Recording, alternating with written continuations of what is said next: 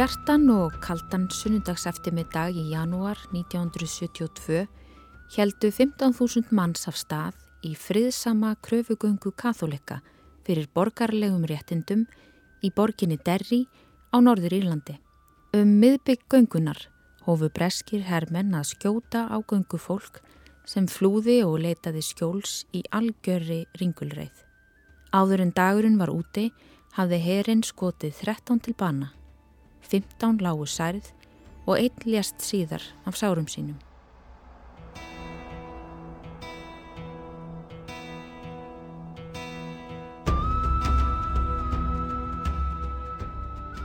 Í síðasta þætti röktum við sögu og aðdraganda átakana á Norður Írlandi sem blossuðu árið 1968 og mörguðu upphaf þryggja áratuga óaldar, The Troubles. Katholikar hafðu risið upp gegn breskum yfirvöldum í landinu og þeirri mismunun sem þeir hafðu sætt í samfélaginu árum saman. Mikill húsnæðinskortur, atvinnuleysi og fátækt enkendi líf flestra katholika á þessum tíma.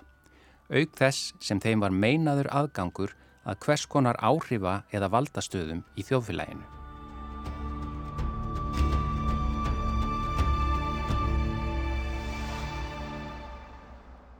Mikilvægur áhrifamaður í baráttinni var Ævan Cooper, mótmælandi sem hafi látið til sín taka á stjórnmálasviðinu, unnið að bættum hag katholika á Norður Írlandi og meðal annara skipulagt réttindagönguna þennan örlagaríka sunnudag.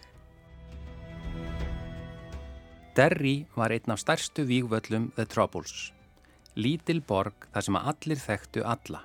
Gríðaleg sorg og reyði heldist yfir íbúana og þjóðina alla í kjölfar skotárasa hersins á óvopnaða almenna borgara á Bloody Sunday, þar sem ungir menn og drengir letu lífið.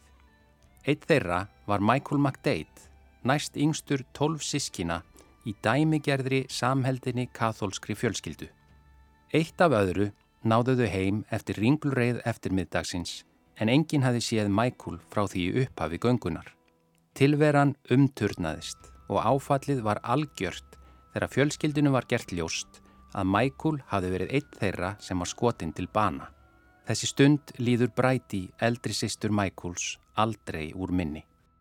My dad says both of us, Mickey's dead, and I was sharp with my dad. I said he's not dead. Shortly after that, the two police came in and told the family, told everybody that Mickey was gone. What a shock. We were just devastated. Pappi sá okkur að Michael væri dáin. Ég svaraði honum harkarlega að hann væri ekki dáin. Skomið síðar komu tveir lörglumenn og sáðu okkur allir í fjölskyldunni að Mikki væri dáin. Því litt áfall. Við vorum miður okkar. Ég veit ekki hvað ég var lengi eftir þetta heima hjá fóröldurum mínum. Egin maður minn Hugo kom þangað að leita mér og við fórum saman heim. Við greitum alla nóttina. Því Mikki myndi aldrei framar koma til okkar, myndi aldrei aftur leika við sín okkar. Við vorum görsamlega yfir brotin. Næstu dagar voru hræðilegir. Það var ólýsanlega erfitt þegar það var komið með Michael aftur heim því nú var hann í líkistu next couple of days was terrible and it was horrifying to see his body come back in the house in a coffin. Fyrsta fallífa herrdeild Breska hersins, Para 1, hafði farið með offorsi inn í hverfi katholika í Belfast sumarið áður eins og viki var að í fyrri þætti. Nú var herrdeildin mætt til derri með fyrirskipunum að handtaka hugsanlega óerðarsekki í göngunni 30. janúar. Þegar hér var komið við sögu hafði ríkistjórn Norður Írlands bannað allar réttindagöngur en ákvaða leifa þessari að fara af stað svo lengi sem hún færi aðeins í gegnum hverfi katholika. Hins vegar skildi koma í veg fyrir að göngufólk kæmist á Guildhall-torg þar sem ætlunin var að sapnast saman og lusta á ræður barótufólks í lokin. Margir gaggríndu yfir menn hersins fyrir að hafa fengið para eitt í verkið en þeir voru þekktir fyrir að ganga fram með miklu áforsi og hafðu áður verið ámyndir fyrir hardræði. Umfjöllunin hér á eftir er byggð á viðtölum við fólk sem upplifði Blotti Sondi en einnig úr Savil rannsóknarskíslunni um atbyrði dagsins og eftir mál hans. Eftir að hafa komið að sífælt fleiri vegatálmum hersins tvístraðist mannfjöldin í göngunni nokkuð og þegar skotrið herdeildarinnar hófst flúðu margir í áttað Rosvill og Glenn Fata í búðablokkunum. Í þeim hópi var Kevin McDade, yngsti bróðir Michael Subræti sem þá var 15 ára gammal. Hann leitaði skjóls við bílastæði Rosvill blokkana bak við húsvegg. And I was able to get into the flats, the middle block of the high flats and get up like a stairwell. The, uh... Mér tókst að komast inn í stegagangin í einu fjölbílishúsana og hljóp upp á efstu hæðina. Ég skreiða maganum út á verund þar sem ég sá yfir Rósveldstræti. Úrsula Clifford, hjúkurnafræðingur, tók þátt í göngunni en endaði með að hlúa að þeim sem höfðu særst og annast þá sem voru deyjandi. Hún leitaði skjóls með aldraðri frængusinni á heimili hennar sem stóð gengt Rosville íbúðablokkonum þar sem Kevin McDade hafi falið sig. I looked out the window onto Roswell Street and facing the multi-story flats and there was nobody about but there was two bodies lying at the doors and I couldn't understand. There was a row of soldiers across the whole street Ég leit út um glukka sem snýri út að Rosvælstræti í áttina að háu fjölbylishúsunum. Þar var engin á ferli en það lágu tveir menn í götunni fyrir utan. Röð af hermunum lokaði götunni. Þar sem enginn virtist að skipta sér að þessu mönnum þá voru það mín viðbrögð að ég erði að hjálpa þeim. Ég varða að gera eitthvað. Ég tók tvö teppi sem frænka mín átti en ég vissi ekki hvernig ég gæti komist óhullt til þeirra með þungvopnaða hermenn þarna. Því ákvaði ég að taka frængu mína með mér. Ég hugsaði að þeir myndu aldrei fara að skjóta gamla konu. Ég leitt hana með mér og við fykruðum okkur út á götu. Það var algjör dauða þögn. Það var símaklefið þarna nálagt og ég heyrði í konu sem grétt en hún var í félum á bakvið klefan. Að öðruleiti var dauða þögn. Fyrst komum við af ungu manni. Hann var að taka síðustu andadrættina. Við sáum líf hans fjara út. Hjá honum lág eldri maður. Hann hafi verið skotin í höfuðið. Blóðið rann út á götuna. Frænka mín hjálpaði mér að breyða teppin yfir líkama mannana. Fólk fór þá að hætta sér út á götuna en hermennirni hreyfðu sig ekki. Ég mannaði mig upp og gekk til þeirra og sagði aftur og aftur við þá Áhverju gerðu þið þetta? Áhverju gerðu þið þetta? Auðvitað svöruðu þeir engu. Þeir voru með hlývar fyrir andlitunum svo ég sá ekki einu sinni neins svipbreyði. And I went over and stood in front of them and I kept saying, why did you do it? Why did you do it? But of course I got no answer. They had visors on so I couldn't even see their faces or their, had they any reaction to me at all. So I made my way down the stairs, maybe from the third floor, which is about maybe 15, 16 flights of stairs. And uh, about the second flight from the bottom, I had to step over a body. Ég fikraði mig niður stigana. Þetta voru nokkrar hæðir. Þegar ég var komin á næst neðsta stigapallin var ég að stiga yfir líkama manns. Ég þekkt hann. Þetta var Kevin McElhenney. Það var ekki takt að gera fyrir hann. Hann var farin, lífvana. Þegar ég kom niður á jarðhæðina voru allir fullir örvæntingar grátandi og rópandi. Engin vissi hvað átt að gera. Skotriðinni virtist vera lokið. Mér fannst eins og hún hefði staðið yfir heila eilíð. Ég hafði ekki hugmynd um hvaða leið langur tími frá fyrstu skotunum frá því að ég sá Jackie Duddy myrtan langa til ég sá Kevin McElhenney dáin. Ég fór út á Rósveldstræti þar sem ég sá Hugh Gilmore liggja í gödunni og svo Barney McGuigan skamt frá með fána yfir sér. First body I seen was uh, young Hugh Gilmore laying there. And then Barney, I can't remember his second name, uh, Barney McWigan was lying there with the, the, the flag sort of dripped over and they cover his wounds. Barney McWigan var 41 ás og elstur þeirra 13 sem letu lífið þennan dag. Hann hafði falið sig á samt fleirum við símaklefa hjá Rossville-blokkonum og veifaði kvítum vasaklút á meðan hann fikraði sig í áttina að Patrick Doherty sem lág helsærður á bílastæðinu. Báðir letu lífið eftir að hafa verið skotnir aftanfrá. Óbreyttir borgarar reyndu að koma særðum og döðvona til hjálpar og veita þeim aðstóð á staðnum á meðan aðrir höfðu verið færðir inn í nálagar íbúðir til aðlinningar. Úrsula hitti Dr. Swartz sem hún starfaði með á sjúkrahúsinu og saman fóru þau inn í nálæg hús til að hlúa að særðum. And then we were asked to go into another house and there was a young boy lying there and he had uh, jeans on him and they were opened and it was quite evident he had been shot Which... Við vorum leittinn í andiru hús þar sem ungur drengur lág. Hann var í gallaböksum sem höfðu losnað frá. Hann hafði verið skotin neðarlega í kviðin. Það þýtti að hann var auðvitað illa særður en þar sem skotið hafði líklegast bara farið í gegnum þarmana þá sagði sortlæknir að ef við kæmum honum á spítalan myndi hann líklegast lifa. Maðurinn sem bjóðarna bauðst til að keira hann á spítalan á samt öðru manni. Við bárum drengin út og komum honum í aftursæti bílsins og þeir kerðu í burt. Ég fretti síðar að hermenn hefðu stöðvaða á leiðinni og handtekið á. Drengurinn komst aldrei á spítalan. Hann var látin deyja í aftursæti bílsins. And the two men were arrested and that young boy was allowed to die in the back of that car. Þessi ungi piltur var 17 óra gamall og hétt Jerry Donaghy. Jerry hafði áður verið handtekinn vegna óerða í bóksætt hverfinu og meðal annars setið í fangelsi í sex mánuði vegna þess. Tíu óra gamall misti Jerry báða fóreldra sína og á unglingsárunum gekk hann til liðs við ungliðarhefingu IRA, Finnana Eran. Jerry átti sérstaklega eftir að koma við sögu í Savilrannsókninni 26 árum síðar.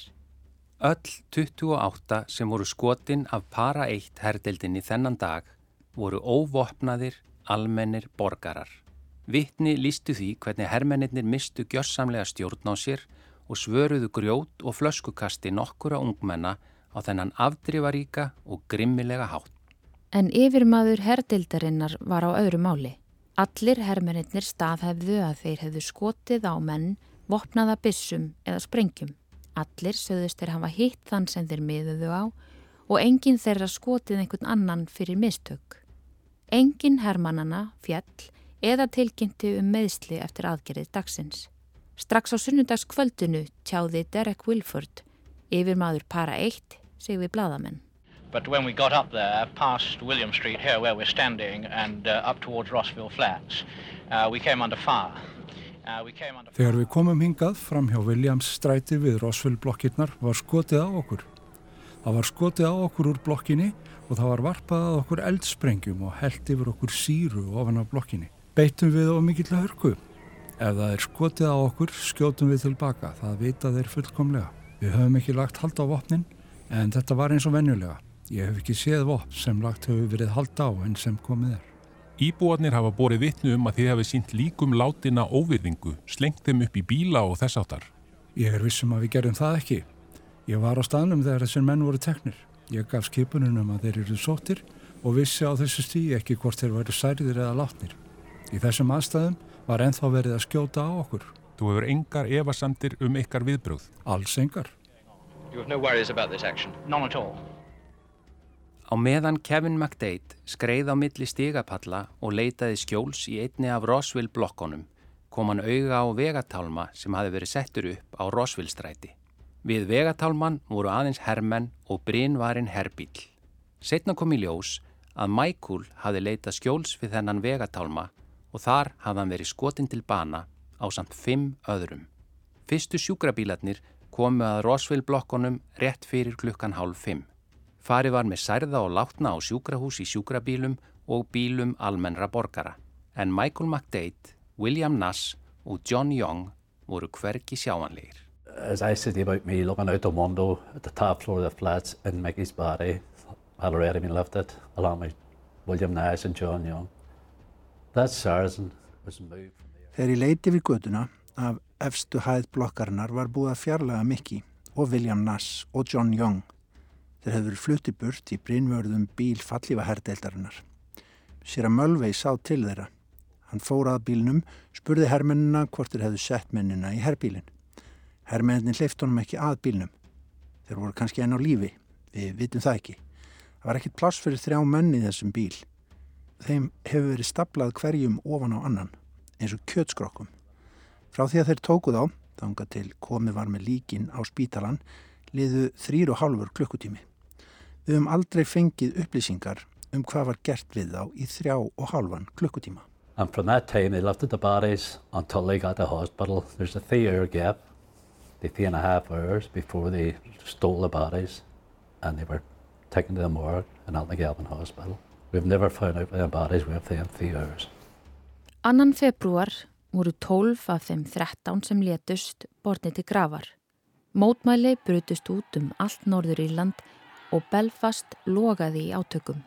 Minningarattafnir voru haldnar um allt Írland og Norður Írland í katholskum kirkjum, kirkjum mótmælanda og öðrum bænahúsum.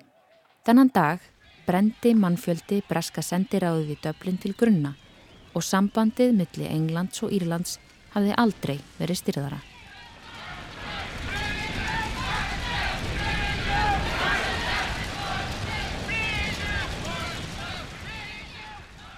Innan ríkisráð þeirra Breitlands, Reginald Modling, stutti frásögn hersins af Bloody Sunday. Hann saði liðsmenn para eitt hafa brúðist rétt við og aðeins skoti tilbaka eftir að hafa setið undir naglasprengju árásum og bissuskotum frá grunuðum IRA mönnum. Bernadette Devlin, óháður þingmaður á norðuríska þinginu og líðræðið sinni, tók þátt í göngunni á Bloody Sunday og sá því með eigin augum hvað gekk á. Hún gaggrindi harlega viðbröð breskra yfirvalda og sérstaklega að vera meinað að greina frá og hefja umræður um Bloody Sunday á breska þinginu. Þegar mótling innanríkisir á þeirra flutti yfirlýsingu sína um að bresku hermeninnir hefðu brúðist við í sjálfsvörn, reytist Devlin svo heftarlega að hún sló hann utanundir. Fyrir það var henni vísa tímabundið af þingi. Do you really think this was the proper way in which to make your protest? And an, uh, what some what people would call do? an unladylike and an undemocratic way in the chamber of the House? Unladylike. There is a young girl whose body was carried out of the bogside this morning. She was shot in the back by the paratroopers. They didn't ask her if she was a lady. Fannst þetta að vera rétta leiðin til þess að andala? Hvað vilt að ég geri? Ekki mjög dömuleg og ólýðræðisleg framkoma í þinginu. Ekki dömuleg. Það var farið með unga stúlku úr bóksætt hverfin í morgun. Hún hafi verið skotið í bakið af hermunum. Þeir spurðan ekki hvort hún væri dama. Tveimur dögum eftir Bloody Sunday skipaði Edward Heath, forsættisráð þeirra Breitlands, Widgery Lávarð til að hefja rannsókn á atbyrðum dagsins.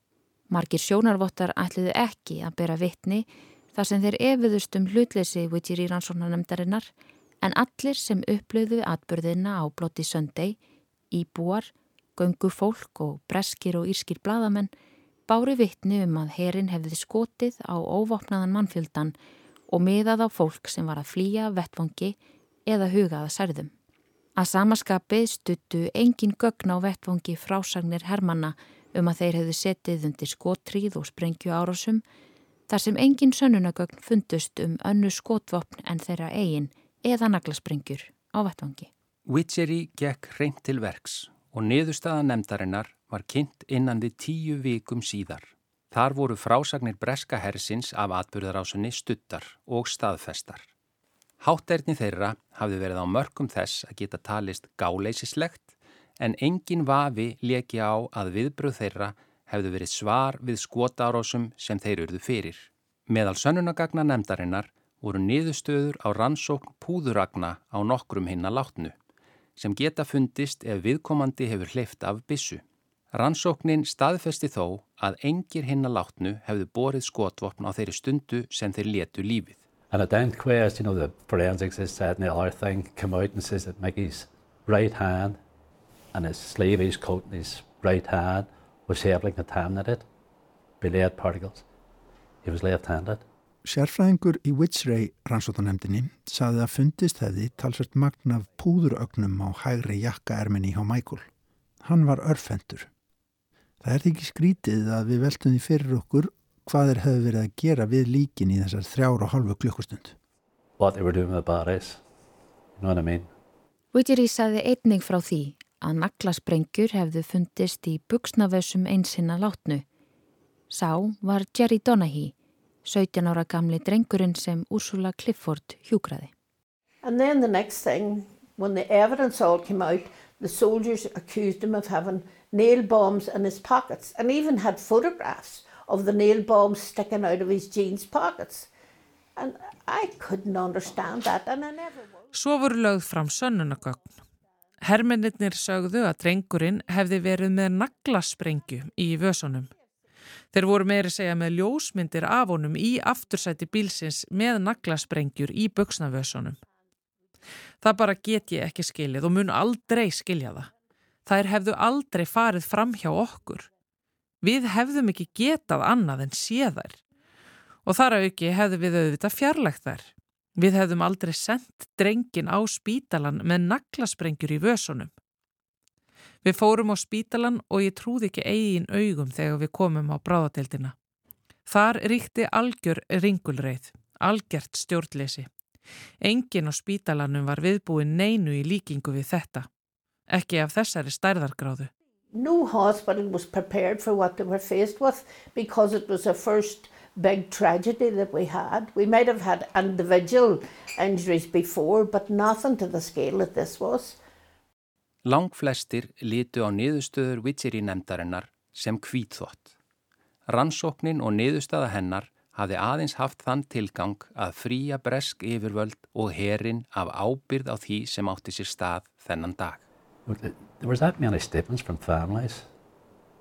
Hundreds upon hundreds of people was there in the day seeing what happened. And they weren't, they weren't believed. Það voru tekna skýslur af öllum. Það voru mörg hundru vitni að því sem þarna gerðist, en þeim var ekki trúað. Það sem herrmeðinni sögðu, því var öllu trúað. Það er óskilinlegt hvernig þeir gáttu beitt hernum til að myrða sitt eigið fólk. Átti þetta ekki vera ríkistjórn þessa fólks? En þessi ríkistjórn let drepa sitt eigið fólk og varði morðingjana. Þetta var það sama og hafi gerst sex mánuðum áður í Ballymurphy. Sama herdild, sömu hermen, sama líin. Þeir eru enn að ljúa um bróður minn og hinn sem dói. You know, they lied. They're still lying about my brother and the rest of it. Í lókárs 1972 veitti Elisabeth Englandsdrottning Derek Wilford yfirmanni fyrstu fallifa herdildarinnar para 1 orðu breska heimsveldisins fyrir vel unnin störf. Frá því að niðurstöður Witcher í nefndarinnar voru kynntar hafa fjölskyldur þeirra sem letu lífið barist fyrir nýri rannsókn á atbyrðum Bloody Sunday. Það sé ekki nóg að segja að mennirnir hafi ekki borið vopn þegar þeir voru myrtir. Bresk yfirvöld skildu staðfesta og viðurkenna að allir sem voru myrtir þennan dag hefðu verið saklausir, almennir, borgarar. Sá litli hljómgrunnur sem stefna breskra yfirvalda hafi haft í málefnum Norður Írlands kvarf endanlega eftir Bloody Sunday og óöldin náði nýjum hæðum næstu mánuði. Hratt og mikið fjölgaði í vopnuðum hópum ungra liðveldis sinna og herskár klopningshópur frá Íska liðveldishernum Provisional IRA sótti liðstyrk til ungra, rótækra og vonlítilla katholika. Provisional IRA tilkynnti einnig að þeir myndu hefna þeirra sem látið höfðu lífið á blóti söndegi. Á næstu þremur mánuðum sprakk 381 sprengja sem kostaði 56 manns lífið og 27 lauruklumenn voru myrtir. Ofbeldi er að stigmagnaðist og sambandsinnaðir mótmælendur kröfðust þess að bresk yfirvöld gripu inn í. Sífælt fleiri heskáir hópar úr röðum mótmælenda spruttu einnig fram og nutu nokkuð viðtæks stuðningsmótmælenda úr verkamannastjættum landsins. Breskir herrmenn fóru nú með laurugluvald á götum allra borga Norður Írlands í samfélagi sem var orðið algjörlega tvískipt. Svona lýsir Margaret Armstrong lífinu í Derry eftir Sunday. Right, I had started nursing in 19, September 1971 and in 1972 after Bloody Sunday there was an awful lot of checkpoints everywhere you went. Ég byrjaði að vinna sem hjúkurnafræðingur í september 1971 á spítalanum hér í Derry. En eftir Bloody Sunday voru vegatálmar allstæðar, við vorum stöðuð allstæðar þó við værum ekki að fara langt. Það var leitað á okkur, jafnvel þegar við fórum að versla og það voru hlið sem vopnaður herrmenn gættu út um allt. Daglegt líf var allt annað en eðlilegt. Fyrir þennan dag gekk allt sinn vanagang og maður gætt verið venjulegur unglingur og hitt vini sína. En eftir hann var ekkert venjulegt við lífið í derri. Ég fór alltaf mikið á bókasafnið en eftir blotti söndegi voru stöðu að sprengju árásir og við vorum því alltaf tilbúin að grípa dótið okkar ef að viðvörnabjöllurnar fór í gang. Sprengju árásirna voru ótrúlega margar.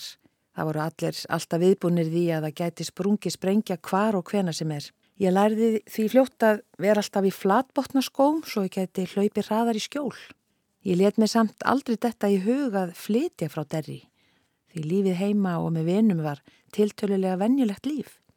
Þegar við erum ung þá er merkilegt hvað við höfum mikla aðlögunarhæfni. Þrátt fyrir stöðu og áreitni hermannana heldur við bara áfram með okkar líf. And amazingly when you were young you were able to adapt to the harassment that you got from the soldiers, you had the ability to let it just go for your head and carry on. Lífið var aldrei samt eftir Bloody Sunday. Sérstaklega ekki fyrir þær fjölskyldur sem sátu eftir og syrðu ástvinni sína, líkt og MacDade fjölskyldan. The next couple of days was unbelievable, people coming and going and, uh, you know, and brothers and sisters, everybody was devastated, and my poor mamma. My father, but my mum was really, really devastated. So. Næstu dagar voru svo erfiðir. Fólk kom og fór og all fjölskyldan var niðurbrotin. Fóreldrar okkar voru frávita af sorg. Það þyrmdi yfir okkur í útförinni að sjá lík Michaels. Við höfum aldrei jafnað okkur á þessu. Mamma hvorki söng nýja raulaði nokkuð tíman framar. My mama in particular, my mother never ever sang or hummed a tune the rest of her life. So. It's, it's in particular my mother father, particularly my mother. My mother was a jealous woman, woman you'd ever met, and not because she was my mother, because she was. Like most mothers in Derry, their family was their whole life. Þetta hafði sérstaklega áhrif á foreldra mína. Móður mín var besta kona sem hefur nokkuð tíma verið til. Ekki bara af því að hún var mamma mín, heldur af því að hún varðað. Fjölskyldan var henni allt, eins og flestum maðurum í derri. Hún haut virðingar allra, ekki bara fjölskyldu og vinna. Fadur minn var góður maður. Mamma mín var ekki söm eftir þennan dag. Við fengum engan stöðning frá stjórnvöldum eftir það sem gerðist. Við fengum bara legarnar fariðir til fjandans. Þeim var alveg sama um okkur og samfélagið hér. Þetta hafði ekki bara áhrif á okkur, fjölskyldurnar sem mistum ástfinni þennan dag. Þetta snerti alla í samfélaginu hér og um allt Norður Íland. Þess vegna höfum við fengið svona mikinn stuðning frá samfélaginu og allstaðar að úr heiminum. Fólk veit alveg hvað gerðist. Þetta voru morð, engin evi þar. Most people know what happened. Murder, plain and simple. No ifs, no buts. We never talked about it as a family. Never sat down in a group and says this, that or the other thing. So we didn't know how to react. Fjölskyldan talaði aldrei um það sem gerðist. Við settumst aldrei niður og rættum málinn. Við reyndum okkar besta til að halda áfram með lífið. Ef ég líð tilbaka, vorum við reynlega skilin eftir. Þið sjáuðum ykkur sjálf. Danni, eldri bróðu minn, reykti kvorkinni að drakka áður fyrr. Hann var alkálisti þegar hann dó. Hann var aldrei samur eftir að hafa þurft að fara á spítalan og bera kennsla á Michael. Hann var alltaf gladur og hress, átti einkonu og tvö börn, en hann misti alveg fótana í lífinu. Fjölskyldan hefur aldrei rætt þetta eftir þennan dag. Ég reyndi nokkrum sinnum að tala við Danni, en hann gati ekki tekist á við þetta. And Danny was never the same fella after. Danny grew up, great lad, great fella, married, two children. But he really angled life a bit.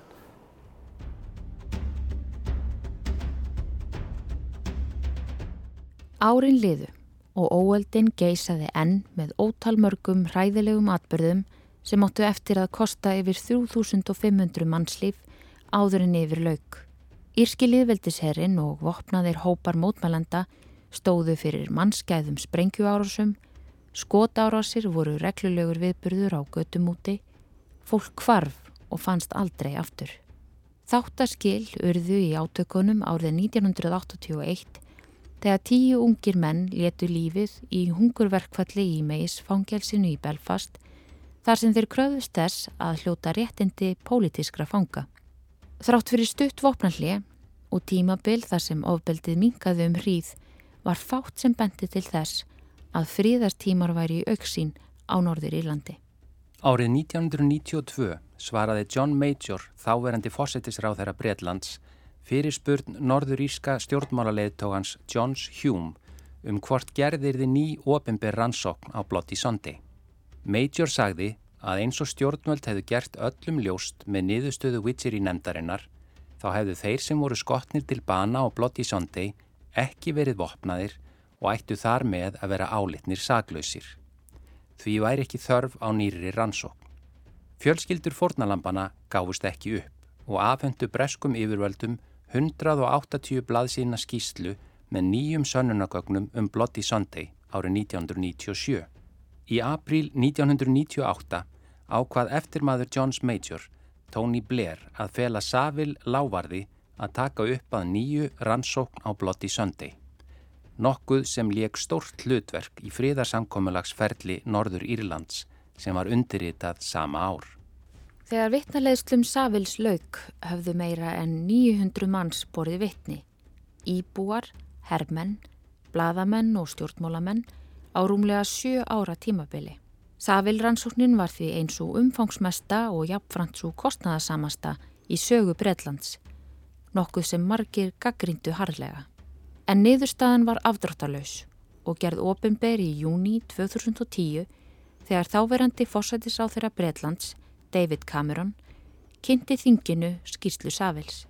Mr Speaker, I am deeply patriotic. I never want to believe anything bad about our country. I never want to call into question the behaviour of our soldiers and our army, who I believe to be the finest in the world. Herra Þingfósetti, ég er afar þjóðhóllur. Ég vil ekki trúa neinu illu um landið okkar. Ég vil ekki draga hegðun hermana og hersokkar í Eva Ég tel þá vera þá færustu í heimi. Ég hef sjálfur séð þær afar erfiðu og hættulugu aðstæður sem við sendum hermen okkar í. En niðurstaða skýslunar er alveg skýr og ótvíræð. Það sem gerðist þennan blóðuga sunnudag var bæði óréttlætanlegt og óafsakanlegt. Það var ránt. Niðurstaða rannsóknarinnar sínir, þvert á vittnisspurð hermanana, að enginn þeirra hafi hleyft af skotum til að svara skotárásum eða hótunum um árásir með bensín eða naglasprengjum. Niðurstaðan sínir einnig að margir hermanana hafi ítrekkað gerst sekir um að fara vísvitandi með ramt mál til að réttlæta gerði sínar. Herra Þingfósetti, þetta eru sláandi niðurstöður og það er sláandi að þurfa að segja eftirfærandi. Við verjum ekki breska herin með því að réttlæta það sem er óréttlætanlegt. Fjölskyldur þeirra sem létust hefðu ekki átt að þurfa að lifa með þeim sársauka og missi sem þessi dagur færði þeim. Framferði nokkur af hermununum var ránt. Ríkistjórnin ber ábyrð á gerðum hersins þegar allt kemur til alls. Því vil ég, fyrir hönd ríkistjórnarinnar og fyrir hönd lands okkar, byggjast innilega afsökunar. Ekkert getur fært okkur aftur þau sem dóu, en ég vona að eins og einn aðstandandin orðaði það, það að sannleikurinn komi fram geti hjálpað fólki að finna frið. Those who were killed, but I hope as one relative has put it, the truth coming out can help set people free. Niðurstaðan var skýr. Engin hermannana hafi skotið í þeim tilgangi að verja sig. Engar viðvaranir voru gefnar áður en hermennir hófu skotriðina og á ákveðnum tímapunkti hafið þeir hægt að gera greinamun á ungmennum sem köstuðu grjóti og öðrum almennum borgurum. Þá hafið þeir gengið fram með óheirilegu og óafsakanlegu ofbeldi án nokkura viðvarana. Rannsakendur Savils bentu á að í mörgum tilvikum þótti ljóst að varnamálaráðunæti Breitlands hefði reynd að hindra rannsóknina á margvíslegan hátt. Til að mynda voru yfir þúsund myndir og myndefni í eigu hersins frá aðgerðinni sjálfri aldrei gefið upp og sagt að bissutnar sem hermenninni nótuðu þennan dag hefðu verið eðilaðar. Sumar þeirra dúkuðu þó upp mörgum árum síðar meðal annars í Sierra Leone og Beirut. Hermenninir höfðu ekki aðeins skotið saklausa, almenna og óvopnaða borgara til bana. Heldur höfðu þeir einni logið til um atbyrðina til að fríja sig ábyrð og breyða yfir miskjörðir sínar. Savil greindi sérstaklega frá ábyrð yfirmanna herdeildarinnar og ákveðina hermanna sem skutu, særðu og myrtu þennan dag. Hermennir voru þó ekki nafngreindir. En baráttunni var ekki lokið.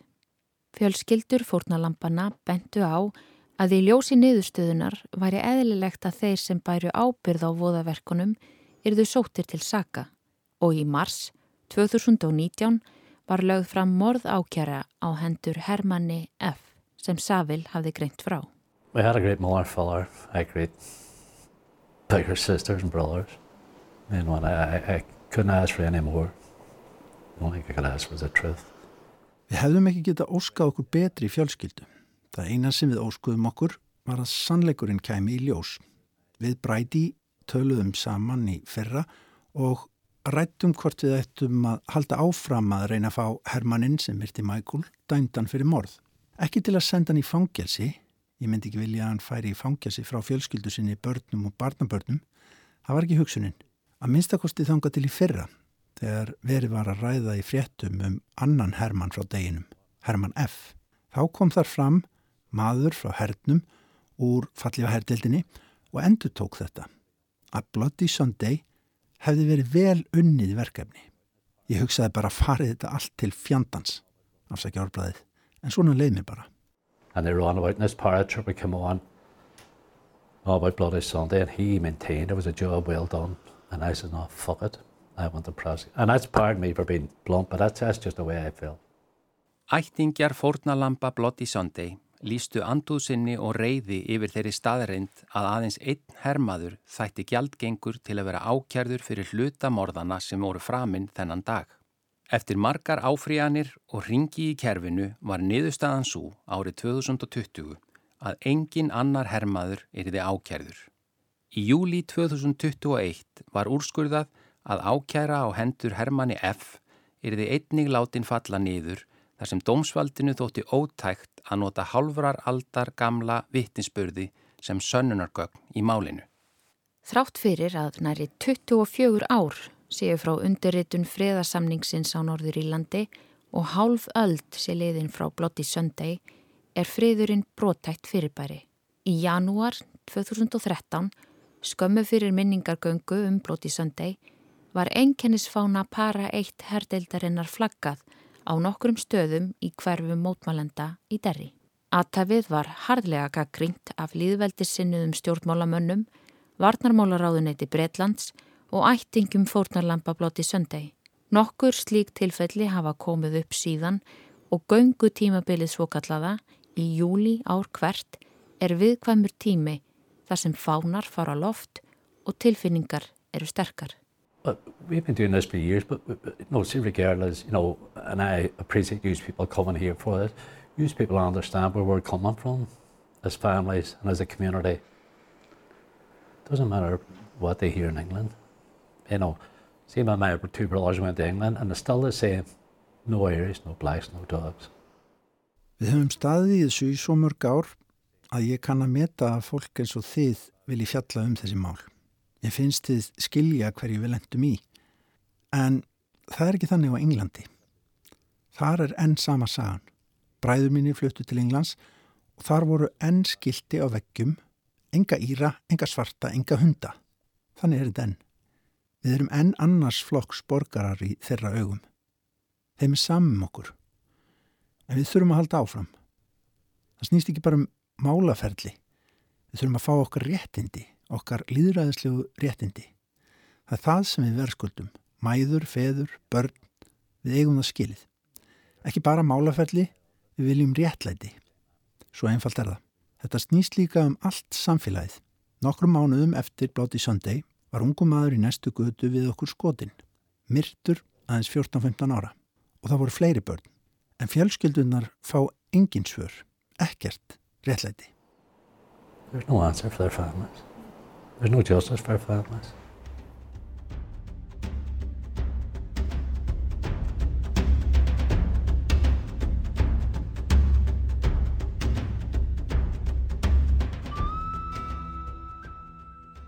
Lífið heldur áfram. Árin líða og þó minningin um blóðuga sunnudaginn sé enn ljóslefandi í hugum þeirra sem hafa þurft að verja stórum hluta ævinnar í að takast á við afleðingar hans, er hann orðin hluti af sögunni. Þetta er einn af stóru dögunum. Dögunum sem skilgreindu ekki aðeins réttindabaróttu katholika upp á nýtt, heldur var hluti af því hvernig þjóðernisvitund þess hluta þjóðarinnar þróaðist. Átök geta blossað upp á einni nóttu, en friður er ástand sem tekur langan tíma að síjast inn í vitund fólks og samfélagsins alls. Ára tugi getur tekið að vinna sig út úr atbyrði sem átti sér stað á nokkrum mínútum og afleðingum hans.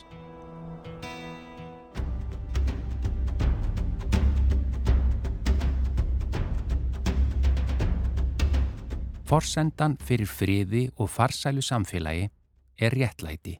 Engin vill endurvekja tíma The Troubles. Með árunum hafa skilin á milli mótmælenda og katholika á Norður Írlandi almennt dopnað og með aukinni mentun, fræðslu og tækifærum notar fleira fólk úr báðum fylkingum rött sína til að koma í veg fyrir að sagan endurtaki sig, fyrir MacDate fjölskylduna og fólkið á Norður Írlandi.